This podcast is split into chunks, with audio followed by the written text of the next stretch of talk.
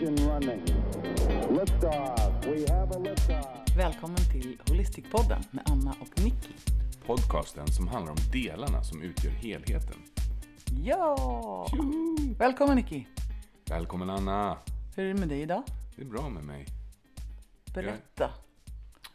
Ja, jag Berätta, hur har du det i själva verket i just själva precis idag? verket. Ja, jo men då ska jag berätta hur det är. Det är så här att eh, jag har sovit ganska gott. Mm. Vi var på en liten minidate igår på Katalin.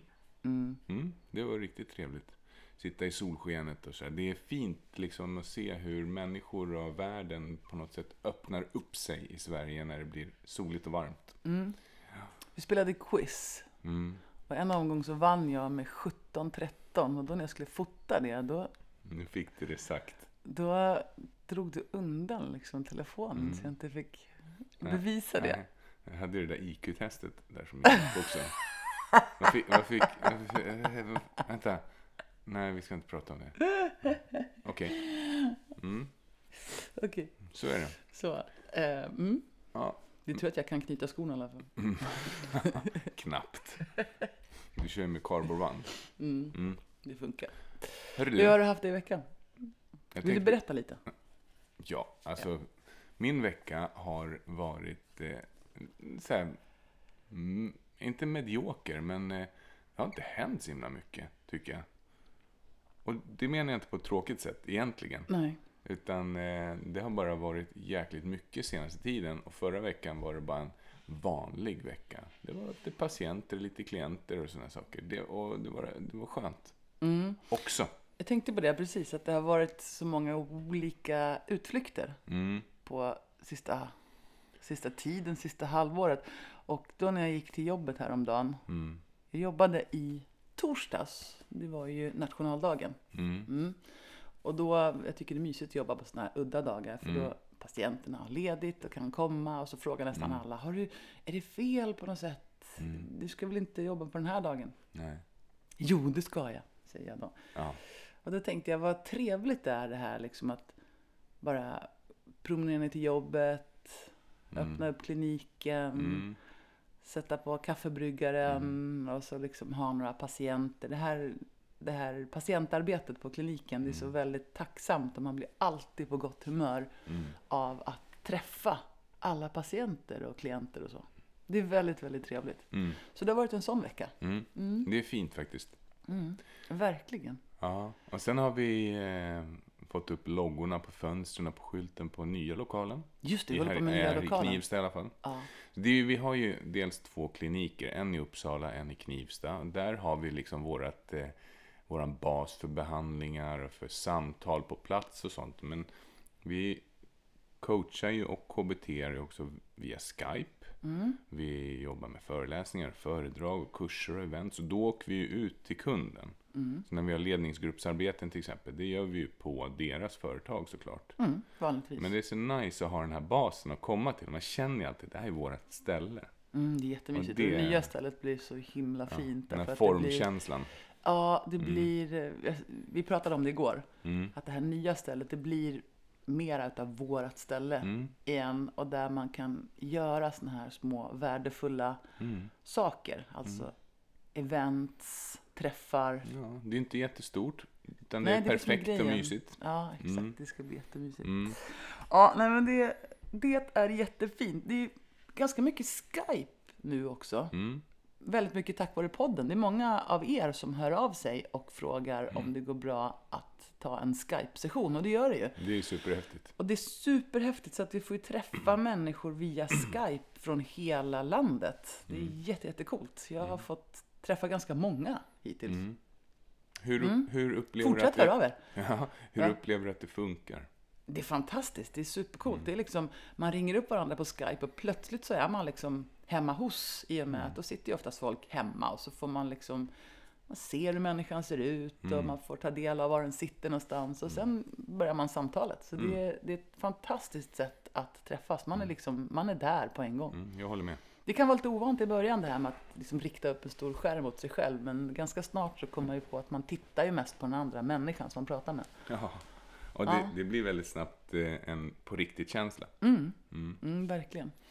Nej, men, så att eh, det har varit en sån vecka. Mm. Och i livet i stort så är det så här att nu närmas ju sommarlovet här med Mm. stormsteg. Det är jättevarmt ute, man går omkring i den här sommarkänslan och Mm. det är mycket som händer med när det blir sommar. Man tänker att fasen vad, vad lätt det är att leva när det är ljust och varmt och det grönskar och fåglarna kvittrar och man Mm. kan...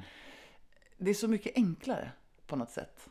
Det kom, jag har tänkt ibland på att det är så märkligt att det är nu man får ledigt från jobb och sånt. Nu när det ändå går ganska enkelt att både gå upp tidigt, man kan få saker gjort före jobbet för det är ljust och man kan få saker gjort efter jobb. Alltså det blir så mycket liv i livet när det är sommar. Mm. Och det är samma sak som till exempel med träning. Det är ju så himla roligt. I Sverige så är det ju så att när vi får sommarledigt, då tar vi ledigt från allt, inklusive träning. Men Liksom det. Tycker du? Ja, det, ja, men verkligen. I alla fall gymträning.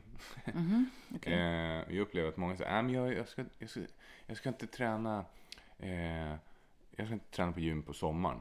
Utan jag vill ha ledigt då. Eh, så ska jag träna utomhus. Men det är väldigt sällan som det sker upplever jag. Mm. Jag fattar vad du menar. Mm. Eh, Men jag upplever också att när våren och värmen kommer så är det väldigt mycket träning som drar igång. Ja, det är också sant. Så där man ser folk överallt som springer och promenerar. Det tycker jag är så häftigt. Är coolt. Jag tycker det här är lite coolt, för det börjar toucha in lite grann på dagens ämne. Mm. Det är att man liksom får tvivel om saker och ting. Man tvivlar, är det verkligen så? Eller är det verkligen så här? Vi pratade om tvivel och du sa någonting som var så himla fint. Mm. Kommer du ihåg det eller? Nu vill jag säga så här, kan du berätta? Men du minns inte. Va? Men minns du? Ja, jag Jaha, minns. ja, men bra, jag då tänkte så. att du skulle få Nej, berätta. hit me. Jag säger så många kloka saker. Nej, men du sa att tvivlet är så viktigt och Mm. nödvändigt därför att om man ska kunna ta ett beslut Mm. så måste det finnas tvivel. Mm. Du pratade om det här att det var någon coachingprocess som du hade haft. Ja, ja.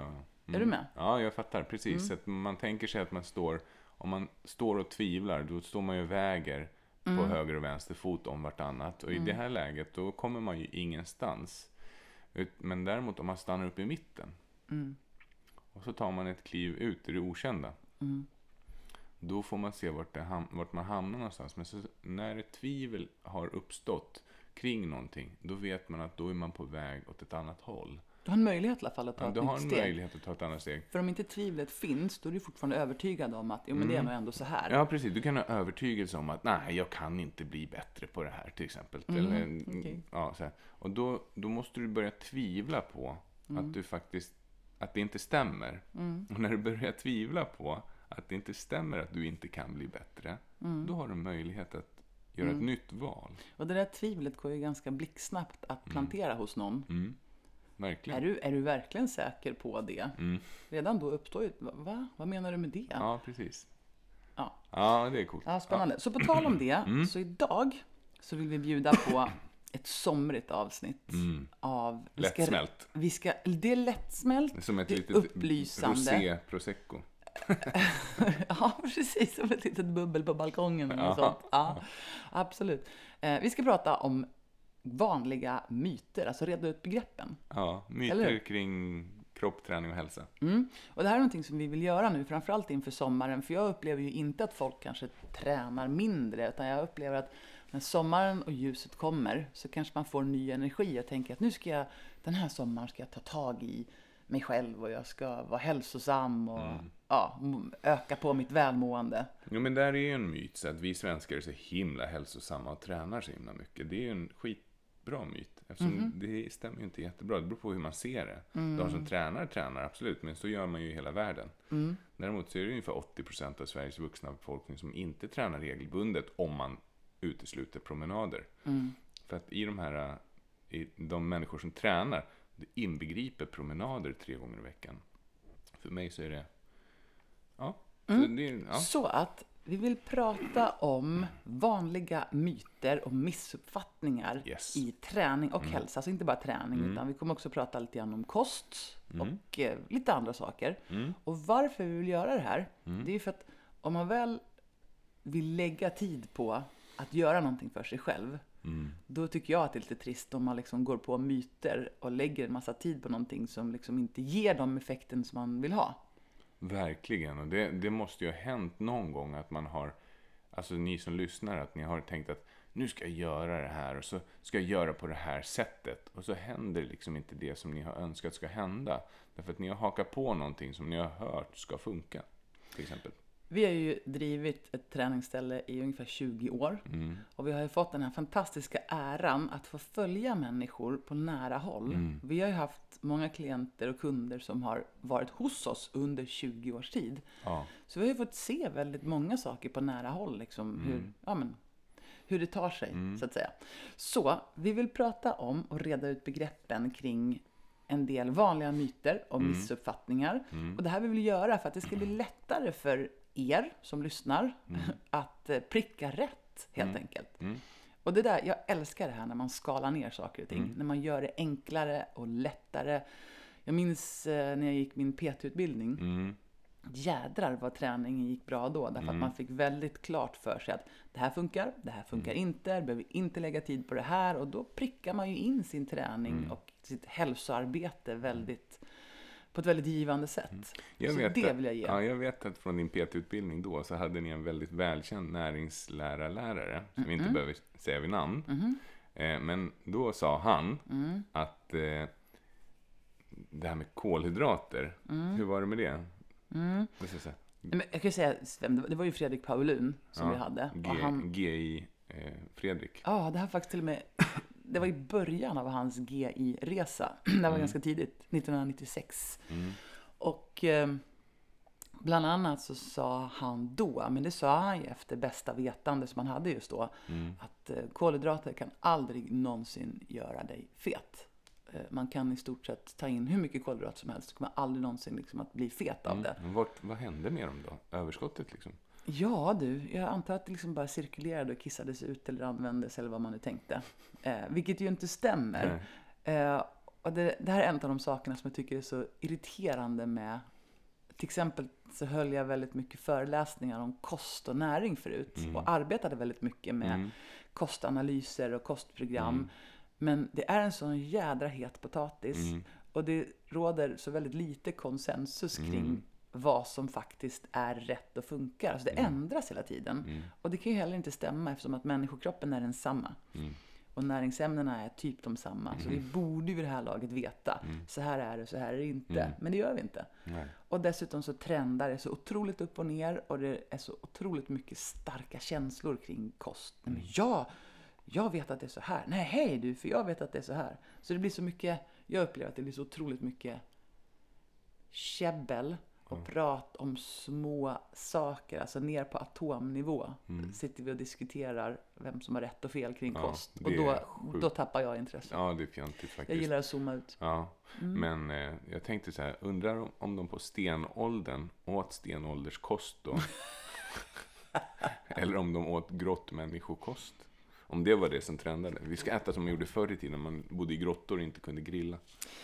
Så jag tänker så här att Mm. om vi pratar om myter och reder ut begreppen så tror jag att det blir lättare för folk som lyssnar att pricka rätt i sin Mm. träning. Och om man har en känsla av att jag vet inte om jag har tid Mm. att eh, ta hand om min hälsa bättre.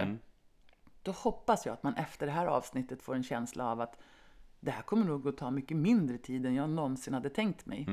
Mm. För det är oftast så att när det är rätt då, känns det lätt. Att på ganska kort tid kunna pricka in vissa saker och på så sätt få ett mycket bättre hälsotillstånd. Det vill jag prata om. Jag tänkte här, varför ska de lyssna på oss då? Vem- men bara ta en liten kortis för de som kanske kommer in i podden ganska nu. nu så här, vem är, vem Mm. är du och vem är jag? Alltså, vad, vad, vad, vad jobbar du som? Oj, oj, oj. Här. Jag är personlig tränare i grund och botten. Jag har ganska lång utbildning både från universitetet, Uppsala universitet, där jag läst psykologi, pedagogik. Eh, också läst fysiologi, näringslära, socialpsykologi, neuroscience. Jag har läst ganska mycket på universitetet. Efter det blev jag personlig tränare. Och sen är jag instruktör i alla sorters träningsformer man kan tänka sig sen 25 år tillbaks. Sen är jag också legitimerad naprapat och har arbetat som det i snart 20 år. Och utöver det så är jag utbildad professionell coach. Och jag är också KBT-terapeut och det här gör mig till en holistisk terapeut som har möjlighet att ta ett helhetsperspektiv när jag träffar människor. Jag har ungefär 35 000 patientmöten eller klientmöten med mig hittills i bagaget. Du då? Ja, jag är i grund och botten legitimerad naprapat och eh, även personlig tränare. Jag har vidareutbildat mig inom massa olika ämnen under årens lopp. Jag går alltid massa kurser och små utbildningar och försöker förkovra en med, med senaste kunskapen och fakta som finns inom de olika områden som vi sysslar med. Eh, några specialintressen för min del är ju då kost och näringslära. Jag eh, gillar också den här mentala biten om våra psyke våra beteenden.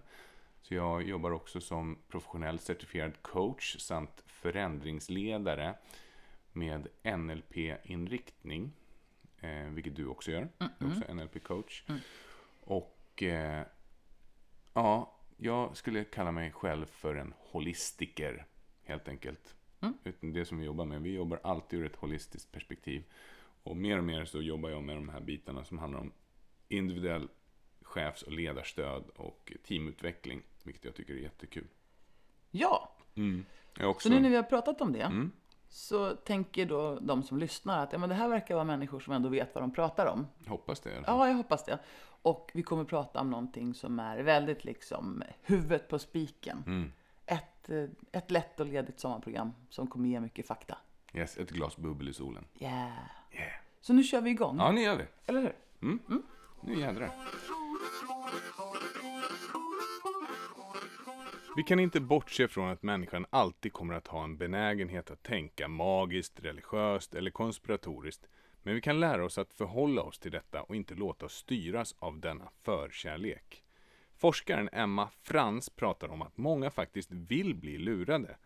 Hon säger att vi människor älskar enkla lösningar och påståenden som bekräftar vår världsbild och att vi därför många gånger inte är rationella. Det här kan vara en av anledningarna till att vi gärna vill tro på de myter som florerar runt i vårt samhälle kring till exempel hälsa och träning. Din hjärna härdas av lögner. Har du någon gång tänkt att en liten lögn här och där har väl aldrig skadat någon? Kanske inte någon annan, men din hjärna påverkas av det mer än du tror. Det kan gå så långt att du börjar ljuga mer och mer och om mer allvarliga saker. Forskare vid University College of London har för första gången kunnat visa upp hur en hjärna fungerar när man ljuger och hur pass enkelt det är att gå för långt när det kommer till att tala osanning. Hjärnan härdas av oärligheten. I studien fick 80 frivilliga testpersoner uppskatta antalet mynt i en skål. Med hjälp av en dator skickades uppskattningen sedan vidare till en annan försöksperson. Testerna varierade mellan att deltagarna ibland tjänade på att vara så ärliga som möjligt mot varandra, medan de ibland tjänade på att antingen överdriva eller underdriva antalet mynt i skålen, fast då på de andra deltagarnas bekostnad. Resultaten visade att deltagarna till en början ljög relativt måttligt, men ju längre spelet gick, desto grövre blev över och underdrifterna. Under spelets gång analyserade forskare aktiviteten i testpersonernas amygdala, det vill säga vår stresshjärna. Ett område i hjärnan som har en betydelse för uppkomsten av känslor, till exempel obehagskänslor om vi gör någonting fel. Det visade sig att lögnerna aktiverade amygdala, men att denna respons sjönk gradvis ju mer deltagarna fick ljuga. Tänk på det som en parfym. Du köper en ny parfym och den luktar gott och starkt. Efter några dagar är doften lite svagare och efter en månad har du vant dig så att du inte känner doften alls. Ungefär så är det med våra myter i dagens samhälle. Att ju oftare vi stöter på den här myten, desto mer tror vi på den, fast den faktiskt inte är sann.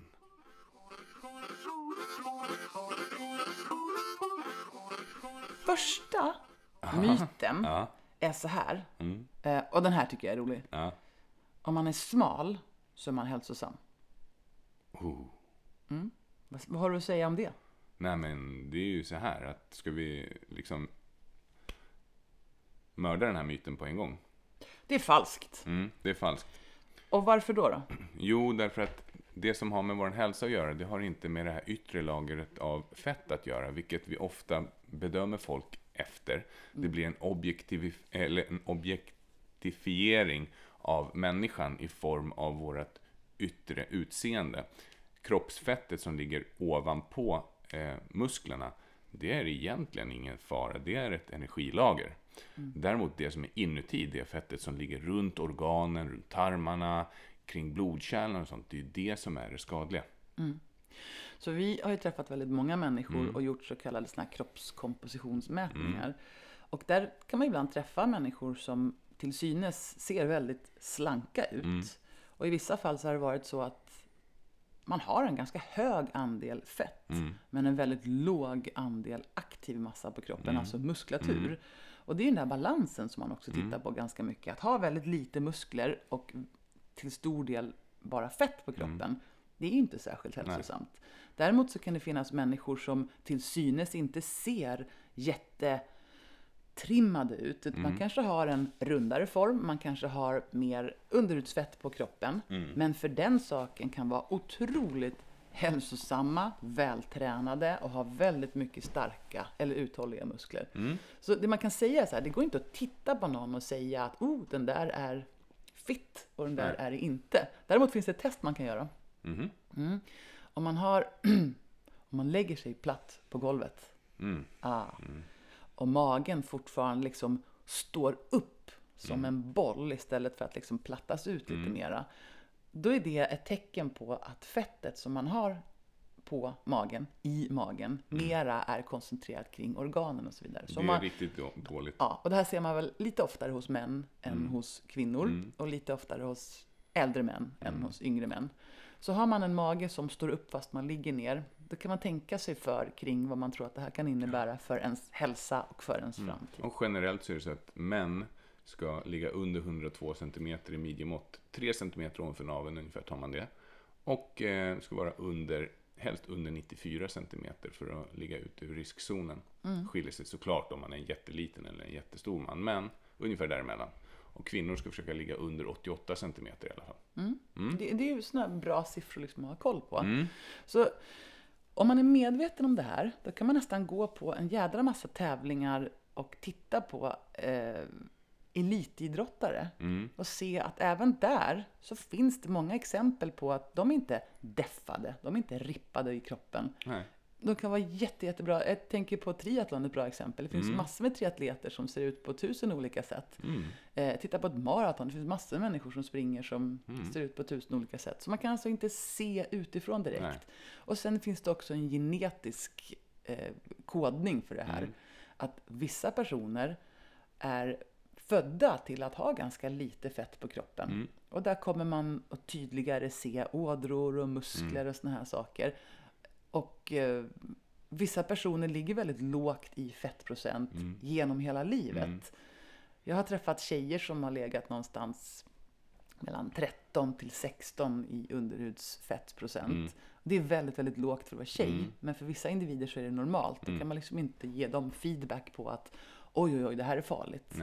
Medan vissa människor kommer att må fruktansvärt dåligt av att ligga på 13 till 16 procents underhudsfett. Mm. Mm. Så jag tycker man ska ha mer respekt för den människa man är född till att vara och tänka mer på hälsa och insida än the looks. Mm. Verkligen. Så om man är en person som tycker att äh, spelar ingen roll vad jag äter för jag lägger ändå aldrig på mig någonting. Tänk om, skulle jag säga då. Fundera på vad är det du stoppar i dig och vad händer med det du har stoppat i dig. Mm, just det, för där finns det ju en positiv effekt av att vara en sån här människa som lägger på sig lätt.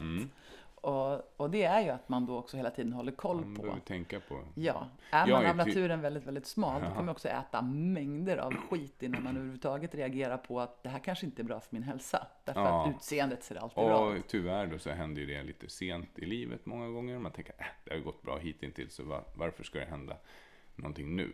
Jag är en sån som måste ha stenkoll. Så att det man kan säga, det finns lite olika begrepp. Fit and fat, helt okej. Eh, non-fit and fat, inte så bra.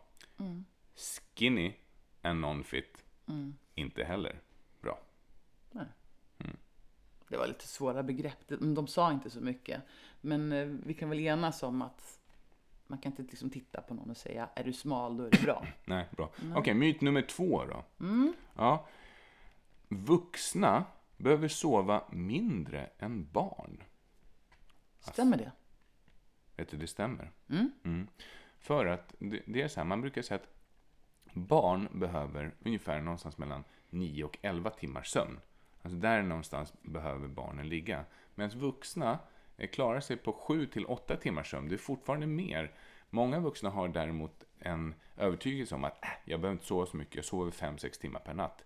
Det är dock inte optimalt. Det klarar man under en begränsad tid, men efter ett tag så kommer både immunförsvar och psyke bli påverkat av det här. Och det finns ju även då eh, studier som pekar på att tonår, tonåringar behöver sova mycket mer egentligen under begränsade perioder, eller hur?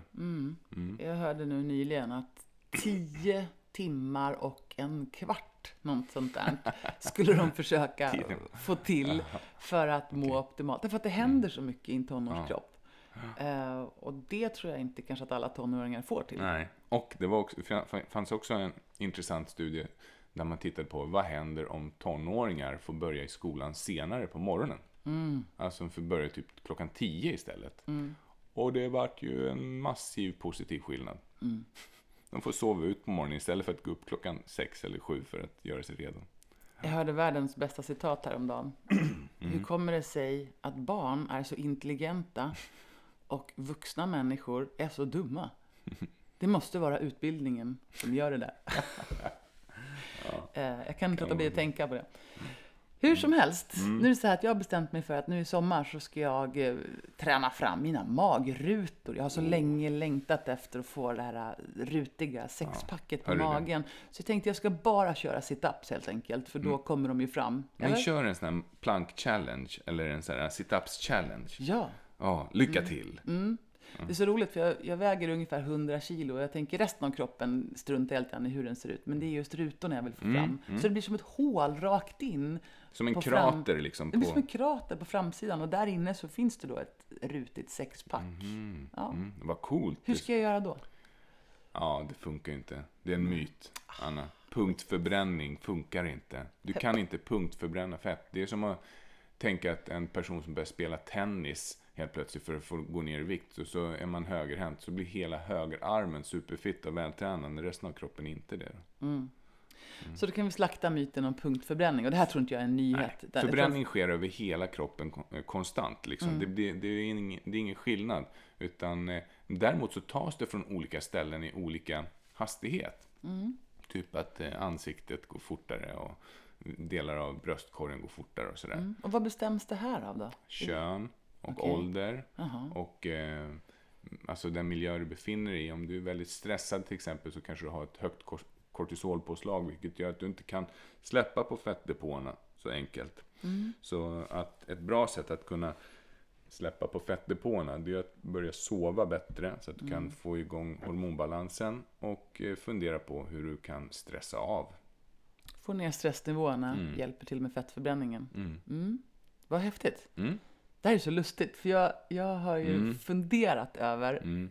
jag har en tendens att komma i bra form på sommaren.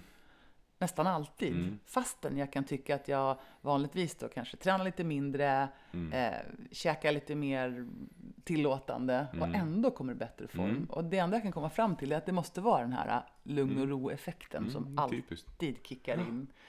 Men myt nummer tre, ingen nyhet, punktförbränning funkar inte. Nej. Och när man kommer in i en sån här positiv fas, Mm. det vill säga ett kaloriunderskott helt enkelt, då är det också ens genetiska förutsättningar som bestämmer var fettet ska tas och i vilken ordning och så vidare. Mm. Så är man då ute efter de där fantastiska magrutorna, då är det inte säkert att det är så lätt för alla. Vissa kommer att bränna av mer på extremiteter, armar och ben först. Eh, Du vet. Gissa vart det bränns eh, sist hos män? Rumpan! Nej, jag skojar bara. Magen. Eh, magen såklart. Gissa Ja. vart det bränns sist generellt hos kvinnor? Men höfter och lår tänker jag. Ja, rumpa och lår. Ja, men för där ska ju vi lagra fett. Och då är det så här, många kvinnor vill ofta bli lite mer slimmade kring rumpa och lår, om jag generaliserar. Ursäkta Mm. mig, jag hatar sånt. Eh, och många killar vill bli av med sin mage. Ja. Men då tar, det tar lite tid, förstår ni. För att Mm. det, det måste först liksom gå på de andra delarna, sen kommer de här härliga områdena. Men du vill hellre bli av med din puckelrygg innan du liksom... Ja. Okej. Mm. Eh, myt nummer fyra. ja. Alkohol förstör effekterna av träning. Hmm. Den där är en liten eh, slamkrypare. Mm. Varför då? Jo. För man tänker ju så här, ja, det är klart att alkohol Nej, sabbar. jag tror många tänker, nej, det gör den. Ja, verkligen. Okej, tror- men hur är det då? Ja, men det är både och. Okej. Mm. Det är så här att om du dricker ett glas vin, säger vi, eh, nu tar vi så generella mått igen, ett glas vin och eh, tränar, Mm. då kommer det inte nämnvärt påverka din förbränning till exempel till kroppen. Men det kommer att påverka din prestation. Mm. Så att man har sett i snitt eh, när man har mätt prestation i till exempel syreupptagningskrävande idrotter så har det sjunkit i snitt med 4,1 procent den närmsta timmen efter alkoholintaget. Vilket ju är helt galet. Alltså 3 centiliter sprit i en drink eh, ger den här effekten. Och om man då dricker alkohol så att man kan mäta upp en promillehalt, det vill säga att man har eh, förbränning som måste ske av alkohol, då är det så att levern, den fungerar som ett, en reningsfabrik och den neutraliserar, hjälper till att bryta ner alkoholen. Men om du föreställer att du har ett stort köpcenter med 30 stycken kassor och du har jättemycket kunder inne i butiken, men det är bara en kassa som släpper ut kunderna. Det kallas för nolltelagens princip. Det vill säga att du kan inte påverka förbränningen. Det är bara en kassa som är öppen för alkoholen. Och den kommer bara släppa ut en kund i taget. Så det tar lite tid. Och så länge som alkoholen finns i levern, Ja. och, eller behöver tas om hand om levern, så kommer leverns förmåga att kunna eh, omvandla fettet till fettsyror som kroppen kan använda som bränsle, det vill säga fettförbränning, då kommer den vara avslagen. Så så länge som det är alkohol i kroppen så har du en usel fettförbränning helt Ja. enkelt. Verkligen. Och det här kan man ju tänka på till exempel om man brukar ta en, en liten öl till maten sådär. Mm. Eh, att det är ett lätt sätt att sabba sin förbränning om det nu är det man är ute efter. Så det finns många sådana saker. Eh, men svaret helt enkelt är väl så här då att jag hoppas att det är väldigt få personer som dricker lite alkohol och sen tränar. Mm. Men eh, det vet jag ingenting om. Jag skulle inte göra det. Nej. Men däremot så kanske man eh, tränar och sen så efter träningen så känner man att åh, vad det vore gott med en öl Mm. eller något sånt. Och då har man sett att måttlig, måttligt bruk av alkohol sabbar inte helt och hållet Nej. träningen. Exakt, så en öl eller eh, ett glas vin efter träningen, Mm. ingen större effekt. Två glas vin, då börjar det bli negativa effekter. Spännande tycker jag Mm. ändå. Här är nummer fem. Mm. Du behöver träna i minst f- 20 minuter för att få igång fettförbränningen. Mm. Ja, men så är det ju. Alltså, man vet ju, det vet man ju att för att få igång fettförbränning så måste jag ju träna hårt i 20 minuter. Mm. Sen så kickar fettförbränningen igång. För det sitter som en liten timer nämligen inuti fettcellerna och då räknar den ner. Nej, nu skojar vi bara. Mm. Utan så här är det att fettförbränningen är ju någonting som vi har på hela tiden. Alltså vid ett tillfälle i livet Mm. så kommer ju en liten spermie simmandes till ett litet ägg. Mm. Och sen så, så sker någonting, så sammanfogas de där. Mm. Och så skapas ämnesomsättning. Mm. Så fettförbränningen, den är igång från befruktningstillfället. Och det är någonting som vi har hela tiden. Så att det är inte så att den slår på efter en viss. Däremot så kan man ju tänka så här att om man har som mål att bränna fett. Då, då kanske en minuts promenad inte ger så stor fettförbränning. Det kan ju Nej. vem som helst förstå. Utan att vill man liksom göra av med en del, alltså få fettet förbränt. Då behöver man ju ut och knata ett tag. Mm. Eller springa allt vad man orkar i en minut. Det kommer definitivt ge en push på fettförbränningen jämfört med att promenera en minut. Exakt, och det här är så spännande därför att då finns den här en myt i myten. Att ja, men man bränner mer fett om man är lågintensiv än om man är högintensiv. Vad ska vi säga om det då? Ja, men det är så här, procentuellt sett så är försvinnande lite. Det kanske rör sig om 2-3 procentenheter som kroppen väljer att förbränna ur fett om du kör lågintensivt. Det är bara det att om du promenerar en timme så förbränner x antal kalorier. Men om du kör intervaller i en timme, då kommer du liksom förbränna så sjukt mycket mer kalorier så de där 2-3 procenten extra, de försvinner i mängden. Det blir bara poff, de försvinner. Och det här är för att kroppen behöver lägga till lite mer raketbränsle när man tar i mer. Så då Ja. blir det ju en större mängd kolhydrater av det man har i kroppen och systemet. Men summa summarum blir ju att om vi tittar på mängd förbrända kalorier och fett Exakt. så blir det ju, ju mer du tar i, desto mer använder du. Och dessutom får du ju en sån här eh, liksom nerfejdande effekt av förbränningen. Håller i sig ett tag efter träningspasset. Efter en promenad så behöver inte kroppen liksom coola ner. Nej, Mm. lite att ju mer, ju mer högintensiv eller ju mer intensiv du är i din träning, desto längre efter förbränning har du Mm. kan man säga. Mm. Och där är ju, det kanske vi kommer till. Mm. Ja, Ja, och eh, ja, men i alla fall, så den myten, Den krossar krossar, vi. Du Ja. behöver inte träna 20 minuter för fettförbränning ska gå igång. Du kan ju till exempel köra ett Tabata-pass på 4 minuter och få en jätte, jättebra effekt på fettförbränningen. Mm. myt nummer sex. Mm. Den här brinner jag för. Om du har skadat dig, Mm. då är det bäst att du vilar. Jag minns så väl, vi var på en av de här fantastiska naprapatkongresserna, där man ju tar in experter från hela världen. Ja. Och då var det en år. man, eh, ja, jag tror han hade tweed-kostym faktiskt. Mm. Och han hade jobbat som läkare hela sitt liv på landsbygden i England. Mm. Sådana ambulerande läkare som åkte hem till folk och gjorde hembesök. Man ser det framför Mm. Fint, sig, eller man kommer med doktorsväskan. Och han berättade att tidigt i sin karriär Mm. så var det så här att om en människa har ett ryggskott, då ska man vila i två veckor. Så var det bara. Ligg ner och vila i två veckor. Mm. Ja. Efter 25-30 några år sedan var det rekommendationen. Mm. Efter några år så såg man att nej, det, det verkar nästan som att en vecka är bättre. Mm. Ungefär 20 år sedan. Ja. Och sen gick det ganska snabbt till att man såg att nej, det verkar nog vara fyra dagar som man ska vila vid ett ryggskott. Typ 15 år sedan. Ja, och nu spolar vi framåt snabbt i tiden och så ser man att det man har sett, det är ju att du ska ju för fasen inte vila när du har fått ett ryggskott, Nej. utan det är rörelsen som är så läkande. Och det här gäller inte bara på ryggskott, utan mycket av våra dagar på kliniken går ju åt till att ta emot en människa, göra en ordentlig undersökning för att se att det inte är någon skada som har skett som man behöver på något sätt åtgärda. Och när det är uteslutet, vilket det ju blir i 99,9% av fallen, då gäller det att trygga människan till att eh, använd kroppen även fast det gör ont. Alltså våga gå in i smärtan. Har du ett ryggskott som hugger, ja men försök att gå vanligt ändå. Har du en nackspärr som skär i nacken, försök att inte få det här stela mönstret där det ser ut som att du har gipsat hela kroppen. Utan försök att använda kroppen ändå, för det är just rörelsen som är så viktig och läkande.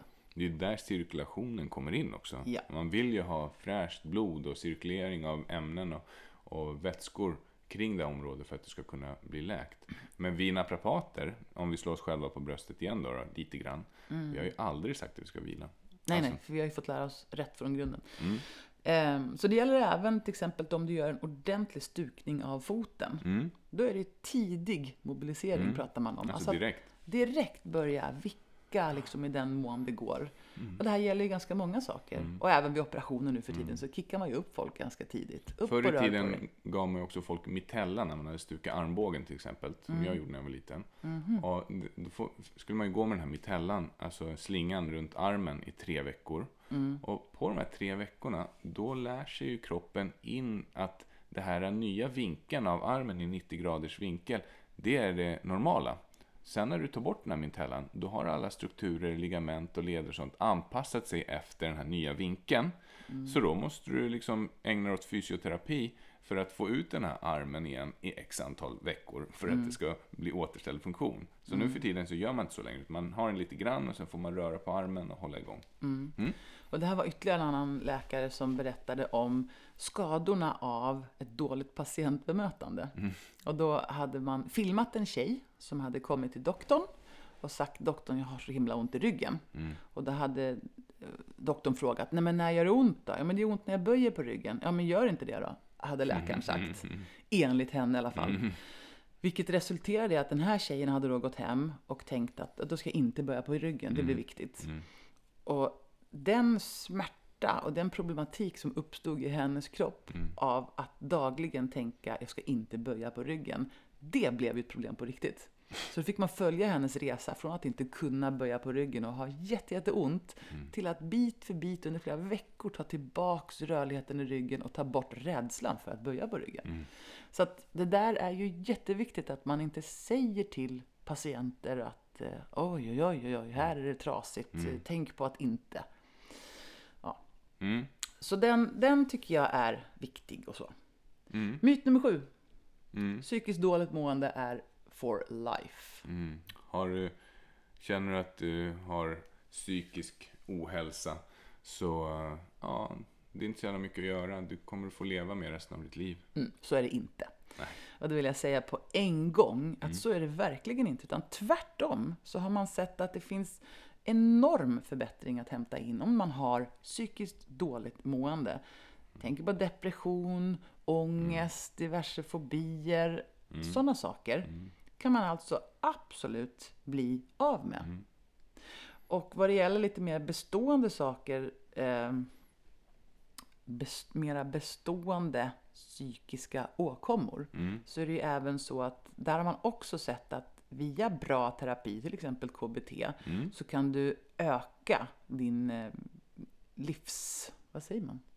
Livskvalitet. livskvalitet var precis det ordet jag var ute efter. Enormt mycket. Eh, och jag minns så himla väl under min utbildning så berättade man om en studie där man hade gått in och KBT-behandlat människor som hade Mm, det här är så intressant. Bland annat så var det en intervju med en man. Eh, han var institutional, institu, Institutionaliserad.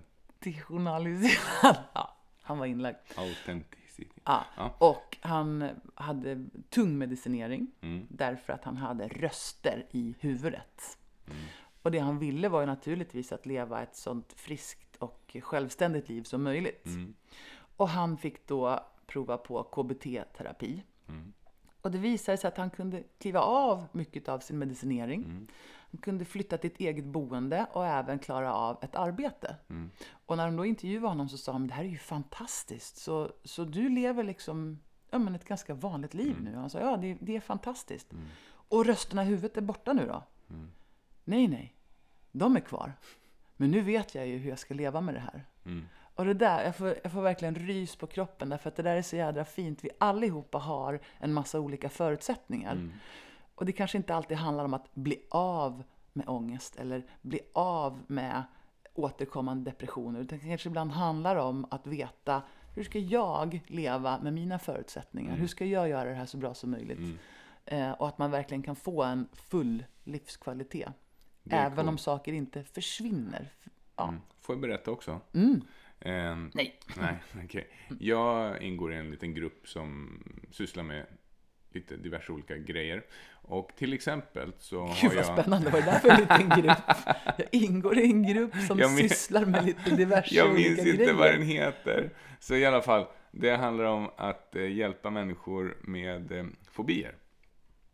Ja, och eh, då är det så här att då har jag använt en teknik för att eh, behandla folk med olika fobier av olika slag som Mm. heter visuell kinestetisk dubbeldissocieringsteknik. Just det, den Ja. använder jag också. Ja, precis. Och det som är så jäkla häftigt med den här, det är att folk som då har haft en till exempel rädsla, flygrädsla har jag jobbat med, de har haft andra eh, psykologiska besvär som posttraumatiska stresssymptom och så vidare. Mm. Där man då faktiskt har på ett ganska enkelt sätt guidat igenom klienterna genom den här tekniken och fått dem att bli besvärsfria Mm. på sjukt kort tid. Ja, Det är verkligen. häftigt. Det här är människor som har gått med den här fobin kanske 20 år. Mm. Och så är de avhjälpta på 20 minuter. Mm. Det är häftigt. That's cool. Mm. Okej. Hopp för de som känner att de har hopplösa saker. Ja. Man måste, myt nummer åtta, Mm. man måste äta direkt efter träning. ja, men så är det ju. Man måste ju äta direkt. För när man har tränat hårt, då måste ju kroppen direkt få in byggstenar in i cellerna så att de kan börja funka igen. Så att man inte blir katabol. Det var roligt. Jag måste äta mina aminosyror så jag inte blir katabol. Så jädra roligt. Han gick och dammsög och så sög i sig BCAA samtidigt så det inte skulle bli katabolt i kroppen. För att han körde cardio. ja, men så här är det. Det finns ju massa aminosyretillskott och BCAA och så vidare heter det. mm, Grenade aminosyror och hej och hå. Man ska äta det här direkt efter träning och så vidare. Om du är en bodybuilder eller en person som tränar styrketräning på väldigt hög nivå i akt och mening att vilja tävla till exempel. Då kan det finnas en liten viss poäng med att få i sig ett så kallat återhämtningsmål direkt efter träning. Eller om du har kört väldigt hårt, ett längre cardiopass, eh, så behöver du fylla på med någonting. Men oftast inte för att kroppens byggstenar ska fungera, för att kroppen har mycket material i sig på en gång. Det gör inte, för gemene man så spelar det ingen roll om ditt nästa mål efter träning är nästa måltid, det vill säga kanske tar en timme eh, innan du får i dig mat. Det gör ingenting. Det finns inget direkt så öppet fönster eh, där du absolut måste eh, äta. Mm. Good to know. Mm. S- Myt nummer nio. Mm. Stretching förbättrar träningsverkskänslan. Alltså Mm. man kan stretcha bort. Ja men det här har man ju hört ibland. Åh, jag har sån himla träningsverk från igår. Jag tror jag glömde att stretcha. Eller att folk tycker så här, ska vi inte stretcha efter träningspasset? Och, och istället så kanske man har gjort en, man har gjort passet på ett sånt sätt att man använder stora rörelser och dynamiska rörelser genomgående genom passet. Och då är det så att, stämmer det där Anna? Nej men det här är så spännande det här med stretching. Därför att det har man ju forskat en hel del. Mm. Och man har inte hittat så himla mycket tecken på att stretching funkar Mm. överhuvudtaget. För? Va? För att? Alltså Nej, men- stretch, nej, funkar men för ex- vad då? Nej, men för att bli rörligare till exempel. mm. Det är det som är grejen. Därför att, eh, för det första så är det så här, det är ju egentligen inte själva muskelmassan, alltså köttbiten, som man drar i. Nej. För om, om du har köpt kött någon gång Mm. eh, och liksom tittar på så är det ganska töjbart. Man kan liksom dra ut själva muskelcellerna ganska Mm. ordentligt. Utan det som är stelt och stumt i kroppen, det är bindväven. Mm, det vita på köttet. Det vita på köttet. Och det här är en fantastisk struktur som man kan tänka sig går som en kroppstrumpa. Genom, alltså, runt om och genom hela kroppen har vi bindväv. Över, över, överallt. Och det här kan bli tajt och kort och stelt. Och det kan man se på i mikroskopisk nivå. Hur det ser ut med en fluid bindväv, alltså en väldigt eh, rörlig. Mm, Och hur det nästan blir som tuggummi när det liksom inte är som det ska. Mm. Så det man vill påverka är bindväven. Och genom att ta en liten kort stretch sådär efter Mm. passet så händer det i stort sett ingenting Nej. med bindväven. Det man har sett som funkar om man vill öka på sin rörlighet det är att antingen hålla en stretch alla yin-yoga, Mm. tre till fem minuter utan att liksom pusha eller Mm. trycka på, utan bara hålla en stretch. Det tar lite längre tid. Eller så tränar man kroppen i så kallad full range of motion, det vill säga när du väl tränar så ser du till att ta ut dina rörelser så att du får de här stora. Då har man sett att där kommer rörligheten in. Så rör man sig väldigt lite, ja, då kommer man ju så småningom att stelna i sin kroppsoverall. Eller sån här husmodersjumpa. Som Ja. förr kan man snurra, Ja. rulla på armarna, rulla på höfterna. Alltså det är fint. Det är jättebra. Det ska vi tillbaks till. Att ha en liten rutin på morgonen. Ja, jag brukar tänka jag brukar ge bilden till mina patienter av en dansare. Hur dansare rör sig. Stora svepande rörelser. Och de roterar åt alla håll och kanter och rör benen åt alla håll. Det är det vi behöver göra. Vi behöver komma ur de här stela, monotona, fyrkantiga rörelsemönstren och bli mer Jag har ju en fantastisk Cirkulära. rutin som jag brukar dela med mig av som jag kallar för 100 repetitioner med pinne. Och då behöver man ett kvastskaft och that's it. Och sen så behöver man titta på mina instruktionsvideos på min Ska man ha någon special kvastskaft då? Instagram. Ska det vara kolfiber eller? Nej, det kan vara vad som helst. Det kan vara en pinne som du hittar ute i skogen. Det är så Mm. jädra bra. Och det här är en rutin som verkligen liksom löser upp saker i Mm. kroppen. Så den kan jag tipsa om. Den är fantastisk. Och den har Cool. hjälpt många människor med det ena och det andra. Mm. Så att, nej, Stretching tar inte bort träningsvärk. Och traditionell stretching, det här som man gör efter passet, det kan ju vara lite mysigt som en nervarvning. Jag tänker som instruktör så har man ju oftast en liten stretchdel.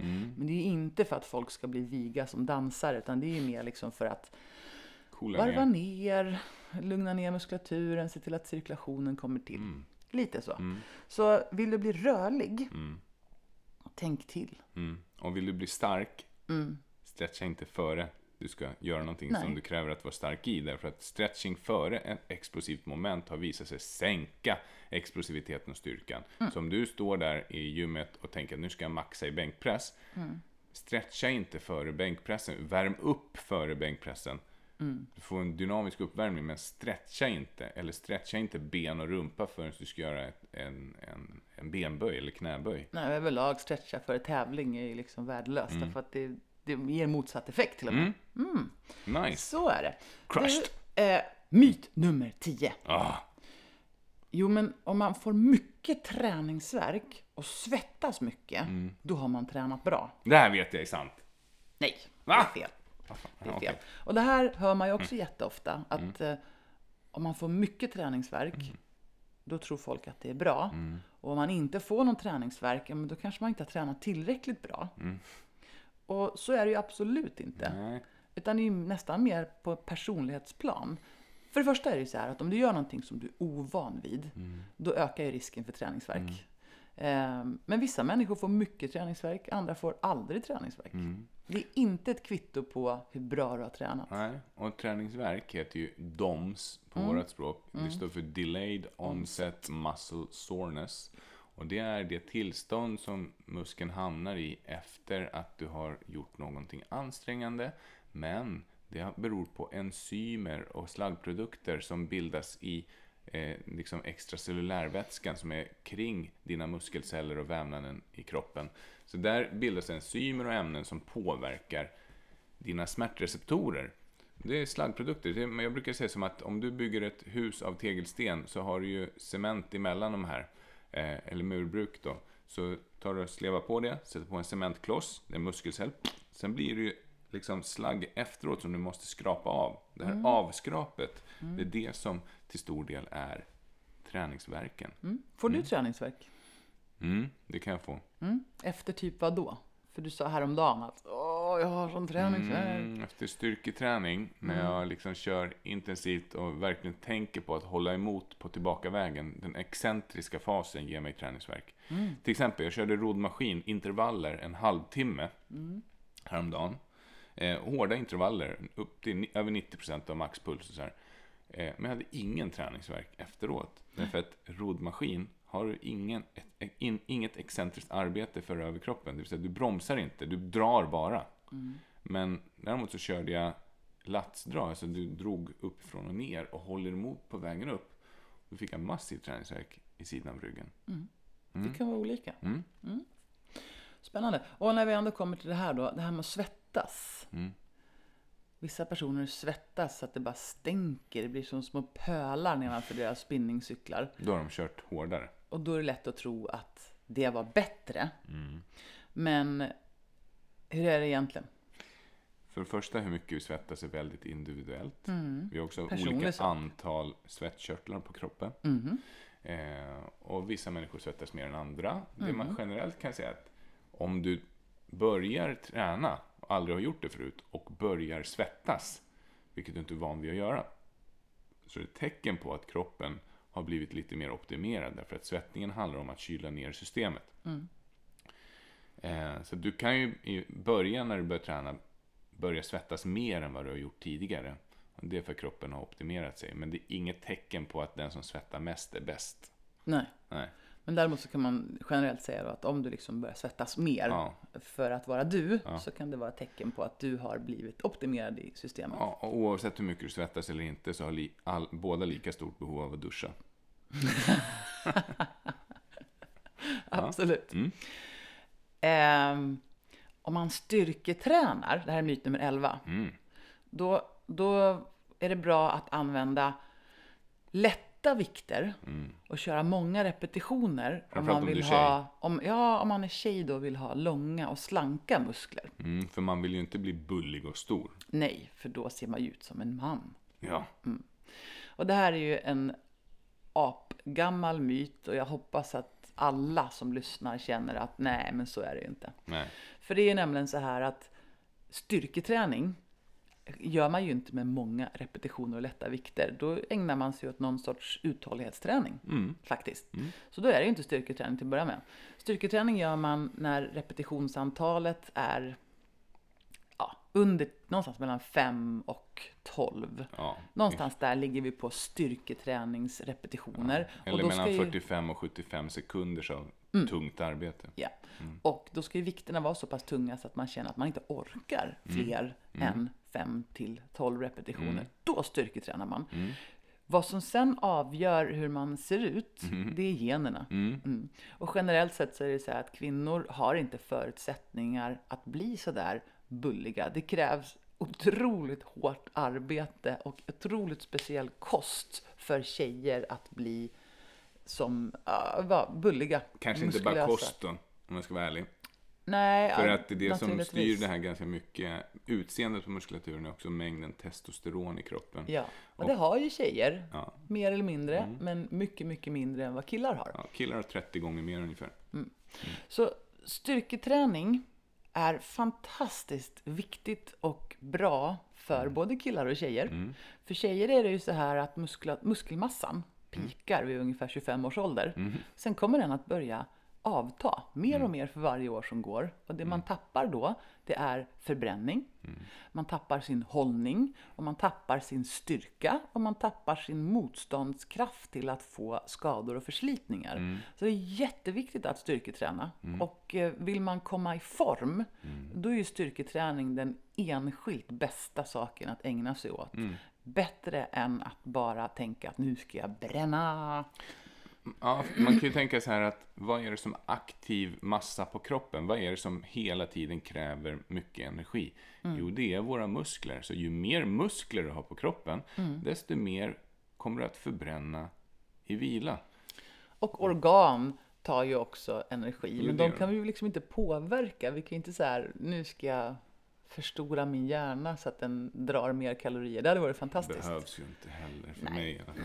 Nej, precis. Så det vi kan påverka i kroppen som är en aktiv massa, det är muskulaturen och det är viktigt. Och för män är det också viktigt att styrketräna. Mm. Men den här har jag hört många gånger. Mm. Hit me. Ja. Hej, jag skulle vilja ha ett styrketräningsprogram, men det räcker att jag får styrkeövningar för överkroppen, för jag springer så mycket, eller jag kör spinning så mycket, så jag behöver inte träna benen mer än så. Men du, stämmer det verkligen? Då, då förstår jag hur man tänker. Att jag använder ju benen så himla mycket när jag går på Och spinningpass jag och, känner springer. ju att de blir trötta Ja, självklart. Men då kommer vi till det här igen. Vad är styrketräning? Och vad är konditionsträning? Mm. Och där är ju styrketräning per definition en kortare sekvens med tung belastning. Mm. Och konditionsträning är något helt annat. Och det är det man ägnar sig åt mera när man cyklar, springer, hoppar. Så om jag kör ett spinningpass och så kör jag 90 i kadens. Det är 90 varv i minuten. Och så säger vi att spinningpasset är 10 minuter långt. Då har du gjort 900 repetitioner. Och så säger jag att det är ännu längre så. Det är 100 minuter långt. Ja, då har du gjort 9000 repetitioner med dina benmuskler. Det är inte styrketräning. För att om man kommer ihåg det så var styrketräning ungefär någonstans mellan 5 och 12 repetitioner, maxrepetitioner. Sen behöver man vila. Och för att eh, motstå skador och förslitningar Mm. så är det jätte, jättebra att styrketräna. Och det gör man alltså inte när man bara ägnar sig åt konditionsidrott. Nej. Så det är ju viktigt att träna hela kroppen med styrketräning. Mm. Och sen är det jättebra att träna kroppen också med cardio såklart. Yes. Och där kommer ju roddmaskiner in som ett bra exempel på hur man kan träna överkroppen konditionsmässigt, uthållighetsmässigt, tycker jag. Simning Mm, precis. också. Du, Mm. ehm, då finns det de som säger så här, ja, men jag behöver inte träna för jag har ett jätterörligt jobb. Jag rör på mig jättemycket i mitt jobb. Ja, hände senaste veckan för mig att jag hade en eh, patient som jobbar inom byggbranschen. Som sa att, ah, men du vet, jag behöver inte, eh, alltså jag känner att jag behöver inte styrketräna liksom, eller träna. Jag får så jäkla mycket träning på jobbet. Jag, jag lyfter mycket på jobbet och så här. Ja, men då är det extra viktigt. Därför att det är inte heller så att man lyfter saker 8 till 12 gånger så man helt slut så måste man vila. Det, man styrketränar inte på jobbet. Man kanske lyfter tungt, men det blir ofta på lång sikt väldigt monotona rörelsemönster. Man gör oftast ändå liknande saker hela tiden på samma sätt.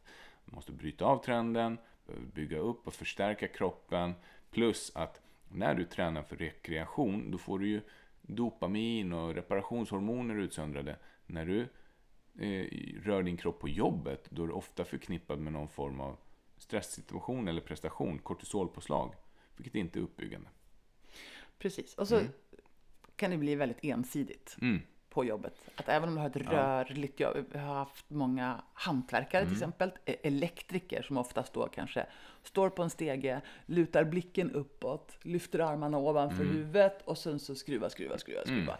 Det, är liksom, det är ju väldigt ensidig Mm. träning och det skulle vara fantastiskt att lägga till en balanserande styrketräning så Mm. att man pallar med det där. Och de här arbetsredskapen har blivit lättare och lättare. Förr i tiden var det nästan bättre när de var tunga, liksom skruvdragare. Kör upp en gipsplatta i taket med en skruvdragare. Kör några, några gånger, kanske klarar av 10, 15, 20 skruvar. Sen måste du vila armen eller byta arm. Nu är de så lätta, så att nu kan du ju liksom köra på en halvtimme där och då får du andra förslitningsskador av det. Så jätte, jättebra. Eh, Jag träffar också mycket människor som jobbar på förskola. Mm. Och det lustiga med de här människorna är att de nästan alltid från morgon till kväll går mer eller mindre framåtböjda. I och med att allt som de ska jobba med är Mm. Där nere. Ja men precis, det är jättegulligt. Och då förstår man ju att eh, de går ju som i en statisk rygglyft Mm. från morgon till kväll.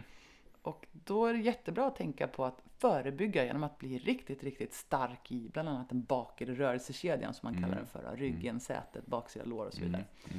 Så det där är spännande. Man kan titta specifikt på vad man gör på dagarna och hur man kan både förebygga och balansera. Mm. Sista myten Mm. är en direkt tvärtom eh, kommentar. Mm. Jag tränar så himla mycket så det gör ingenting att jag sitter still hela dagarna sen. Ja, den är, den är väldigt aktuell. Man kan ju tänka att det verkar vettigt. Jag, jag extremtränar. Jag tränar inför Ironman. Så det gör ingenting att jag sen sitter på häcken och jobbar i tio timmar om dagen. Men det gör det alltså. Den här vardagsmotionen som man tittat på, den är så himla viktig. Och det är just det här långvariga stillasittandet som man har sett inte är så bra för oss. Vi är inte skapta för att sitta stilla under längre perioder, utan vi behöver upp och hoppa. Man har ju sett att både kroppen och hjärnan mår bra av att jobba i 25 minuters intervaller. Så det där kan man tänka på. Man kan ställa klocka eller timer. Sitt 25 minuter, upp och rör på kroppen, gör något annat. Och så man tänker på att bara att eh, från sittande ställa sig upp så innebär det att plötsligt så kommer blodet att rin- rinna ner i benen och från andra delar av kroppen och cirkulationen måste liksom pumpa på. Så att du kan ju få en hjärtslagshöjning med 20-30 pulsslag i minuten bara av att ställa dig upp från sittande. Och det är ju jätteviktigt. Så det, kroppen anpassar sig. Bara själva grejen att skifta mellan stående och sittande om vartannat. Mm. Bra. Men nu, nu känner jag så här, nu har vi pratat om hela 14 vanliga myter eller missuppfattningar. Och i min, i min värld så tänker jag att det här tror jag att de flesta har koll på. Mm, ja, det, så tänker du. Så tänker jag. Mm. Och då tänker du, Nej, jag tänker att alla inte alls hade koll på allt det här, utan man kanske fick en sån här, aha, oj då, jaha, var det så? Vissa är ju ganska sådär, man vet det nog egentligen, men man skiter i det. men då kanske det är lätt att tänka så här nu att, ja men okej, så, man, så det var inte rätt och det var inte rätt och det var inte rätt. Men vad ska man göra då? Om man nu tänker så här, här kommer sommar och sol och semester och ledighet och jag vill ägna mig åt att bygga upp mitt välmående. Mm. Vad ska man då göra? Ja, har du några idéer? I do. Ja. Jag tänker återgå till, till att börja med till den här aktivitetspyramiden som ju enligt beprövad forskning och erfarenhet är det mest exakta vi vet just nu. Och det är Se till att få minst 30 minuters rörelse varje dag. Det är alltså det är inte träning då, utan då pratar vi om 30 minuter där du promenerar, krattar, klipper gräset, badar, simmar, du vet, vad som helst. Den är jättebra. 30 minuter, det tycker jag man kan pricka in. Över det så kommer ju då cardio, alltså att träna sina funktioner som har med uthållighet att göra. Tre till fem Ja. tillfällen per vecka. Kärl, lungor och även förbränning och ämnesomsättning. Mm. Tre till fem gånger per vecka. 30 till 45 minuter till 60 minuter, Mm. någonting sånt. Och då kanske man tänker, är inte det farligt då? Mm. Nej, det är farligare att vara still. Nej, men så att förbränningen kommer igång. Nej, skoj bara. Utan det är jätte, jättebra. Eh, Och framförallt för hjärnan är det också väldigt, väldigt bra. Mm. Det reparerar stressskador i hjärnan och det ger oss ett lösningsfokus. Och, ja, det är fantastiskt. Mm. Vill man nu styrketräna, för nu har man ju hört här att det är så himla viktigt att styrketräna. Det är viktigt för kvinnor, det är viktigt för män, det är viktigt för förbränningen, för hållningen, för hormonbalansen. Det är så jädra bra. Så tänker man så här, åh, hur lång tid ska inte det ta då? Och då är det faktiskt så här att om du får till två gånger 20 minuter riktigt bra träning, då räcker det. Ja, det räcker kanske inte för att liksom nå bodybuilding-form Men eller Hälsoeffekterna. hälsoeffekterna räcker. Vill du bygga muskulatur, då bör du komma upp på tre gånger i veckan. Ja, minst. Mm, Minst precis. Men två gånger 20 minuter, där får du faktiskt jobbet gjort. Mm. Mm. Och då bör det vara så pass tungt så att det är näst, ja, 80% av ditt absoluta max. Mm. Vad du kan lyfta vid en repetition eller mer. Ja, om man, generella hälsoråd är ju sådär då att eh, ät, eh, ät tillräckligt med, alltså lagom med mat, alltså mm, så att du når balans mellan intag och uttag. Så att, eh, så att du kan, om du är ute efter att hålla vikten eller gå ner i vikt så måste du balansera med det. För att det är så här fortfarande att om du äter mer än vad du gör av med så kommer du gå upp i vikt. Om du äter lite mindre så kommer du gå ner i vikt. Självklart. Och sen så dra ner på alkoholintaget. Eh, dra ner på mängden processad mat. Försöka äta så ren mat som möjligt. Så mycket lagad mat som möjligt. Använd gärna liksom, grova saker. Se till att saker och ting är näringsriktiga. Mm. Och så här på sommaren så kan det ju vara ett extra bra tips att äta så olagad mat som möjligt. Därför att en del näring försvinner ju liksom när vi eh, lagar till maten, när vi värmer upp maten och när vi gör massa saker med den. Ska vi köra en bonusmyt där? Ja, Jo, jag tänker så här. Det är en myt att eh, vi då till exempel att eh, frysta grönsaker är så näringsfattiga.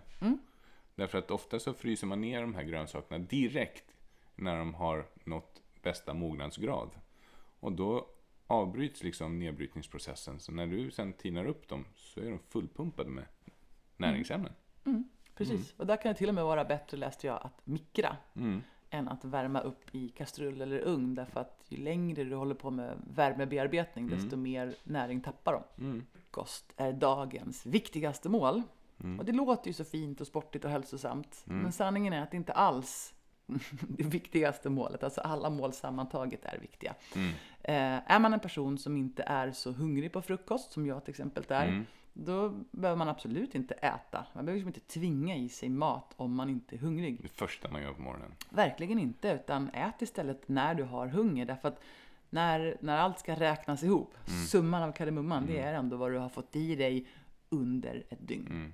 Och det, kanske, det skiljer sig lite grann från växande individer. Men vi vuxna, vi växer ju inte mer på längden utan vi växer på bredden. Eh, och då är det till exempel för barn så kan det finnas en poäng med att få i sig mat mera regelbundet än för vuxna. Därför att de växer och förbrukar energi hela tiden under hela dygnet på grund av tillväxten. Och sen behöver vi dricka vatten. Mm. Och där har vi pratat om att det är bra att dricka vatten lite då och då. Mm. Eh, och man kan dricka när man är törstig. Det är en bra indikation på. Ehm, och det är bättre att dricka ibland så att kroppen kan ta till sig vätskan än att man stjälper i sig en hel liter för då blir man jättekissnödig och sen så, ja. Så då har vi pratat en del om både träning, rörelse, aktivitet. Vi har pratat om att om du har ont i kroppen, då är det bättre att du rör på dig än att du liksom vilar och aktar dig för att använda det som gör ont. Mm. Så tillvida du inte har brutit av någonting, då, då ska du väl kanske vila en stund i alla fall. Vi har pratat lite grann om kost, vi har pratat om eh, vatten, vätska, vi har pratat om alkohol. Vi har också pratat om eh, psykisk ohälsa och att det finns så otroligt mycket att göra. Och det här har bland annat att göra med att våran hjärna är ju plastisk, alltså den är förändringsbar livet ut. Mm. Det är coolt. Och sen har vi slaktat lite myter om bulliga muskler och ja, Jag tycker vi har pratat om ganska många grejer. Det borde vara hyfsat enkelt att pricka in. Mm. Aktivitetspyramiden, ett sunt tänk kring kost. Ehm, titta inte så jädra mycket på ytan Mm. när du bedömer i vilken hälsonivå du ligger. Mm. Utan fundera lite mer på insidan. Jämför inte så mycket med andra. Vi är alla olika skapta. Vi har olika förutsättningar.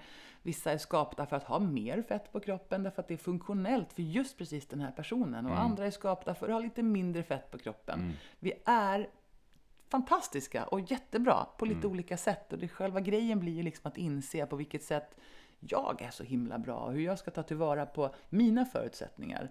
Och hur jag ska kunna älska den personen som jag är, inifrån och ut, utifrån och in, precis som jag är. Det tycker jag är viktigt. Viktigast. Fint, ser du. Helt ärligt. Ja. Vi pratade om vanliga missförstånd. Och vi vill som alltid vara de här människorna som ger möjligheter till bättre hälsa, bättre välmående, bättre känsla i hela kroppen och själen. Eller hur? Mm. Vi vill på alla sätt vi kan sprida välmående.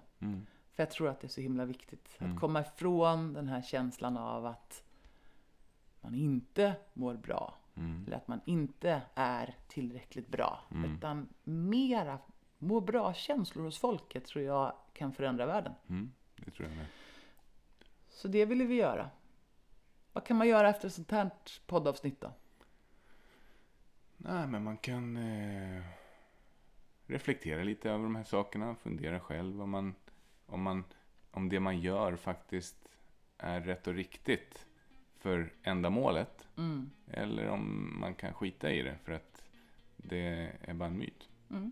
Jag hoppas att man har fått en känsla av hopp. Därför att ibland så kan man tänka sig att ett bra styrketräningspass, det vet man ju ska ta en timme. Måste man hänga i gymmet i en timme. Men sanningen är att nej, det tar 20 minuter. Du kan gå ut i skogen och rulla stenar om du känner för det. Liksom, och hänga i grenar och grejer. Styrketräning kan vara vad som helst. Men det ska vara jobbigt. Mm. Dina muskler vet inte vad den lyfter för någonting. Ingen aning om den lyfter en svindyr designad hantel eller om den faktiskt lyfter en sten. Nej. Så det går jättebra att göra. Mm. Ja, så med lite enkla medel tror jag man kan ta hand om sin hälsa på ett Mm. bra sätt och dessutom ge sig själv en klapp på axeln. Mm. Fasen, bra gjort! Bra! Ja. Ja! Mm. Härligt! Mm. Det var ett litet bubbligt, eh, lättdrucket eh, poddavsnitt. Det var det. Mm. Och nästa vecka Mm. så kommer vi prata om, Det är du. det får man se nästa vecka. Ja. Nu önskar vi alla som lyssnade en riktigt härlig, fin, somrig dag. Och så säger vi Hej då! Hej då! Och som vanligt så kan ni nå oss via sociala medier på Instagram, formholistic, eller på Facebook, formholistic. Ni kan också skicka mail till oss via formholistic@gmail.com. Eller varför inte gå in och läsa Holistic-bloggen på vår hemsida formholistic.com. Formholistic med ett C på slutet, .com.